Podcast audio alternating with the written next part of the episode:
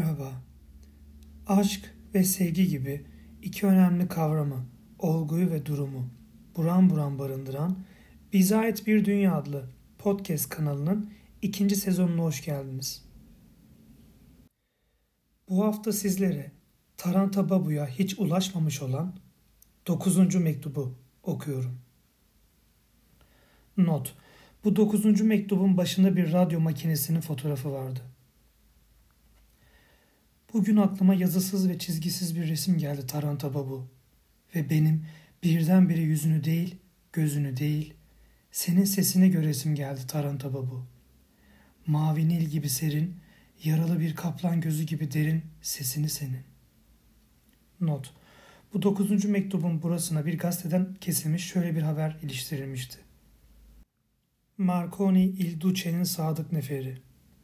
Marconi gazetecilere ben şefim Mussolini'nin emrine amadeyim demiştir. Marconi ilk tecrübeleri muvaffakiyetle neticelenen Habeşistan'da tatbik edilecek olan bir ölüm ışığı bulmuştur. Bu ışık diye neticeleniyor. Not ve mektup devam ediyor. Havalara sesleri başıboş mavi kanatlı kuşlar gibi salan ve havalardan en güzel şarkıları olgun yemişler gibi toplayan elleri onun yaparak kulluğunu kara gömlekli Benito'nun boyanacak dirseklerine kadar kardeşlerimin kanıyla. Ve Habeş ovalarında öldürecek büyük bilgin Marconi'yi.